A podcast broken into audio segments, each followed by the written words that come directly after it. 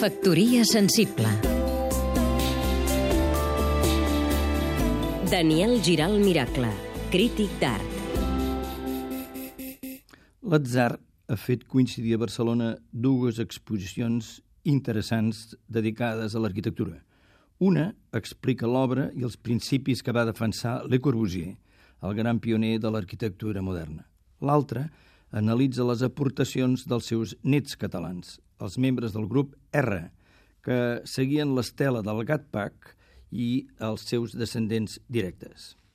En les primeres dècades del segle XX, el suís Le Corbusier va canviar els esquemes constructius i va aplicar en els edificis pilars, terrasses jardí, plantes obertes, finestres longitudinals, façanes lliures, conscient que vivia a l'època de la màquina i de les grans ciutats i que l'arquitectura havia de respondre a unes circumstàncies noves.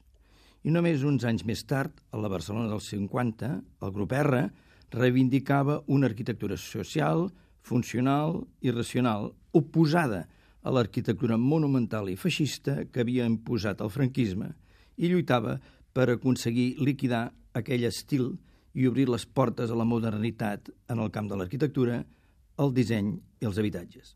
Realment val la pena visitar aquestes exposicions, el Caixa Fòrum i el MACBA, per constatar que les idees d'uns i dels altres van anar més enllà del pur formalisme arquitectònic i que van ser creadors capaços de canviar les ciutats i les formes de vida. Factoria sensible. Seguim-nos també a catradio.cat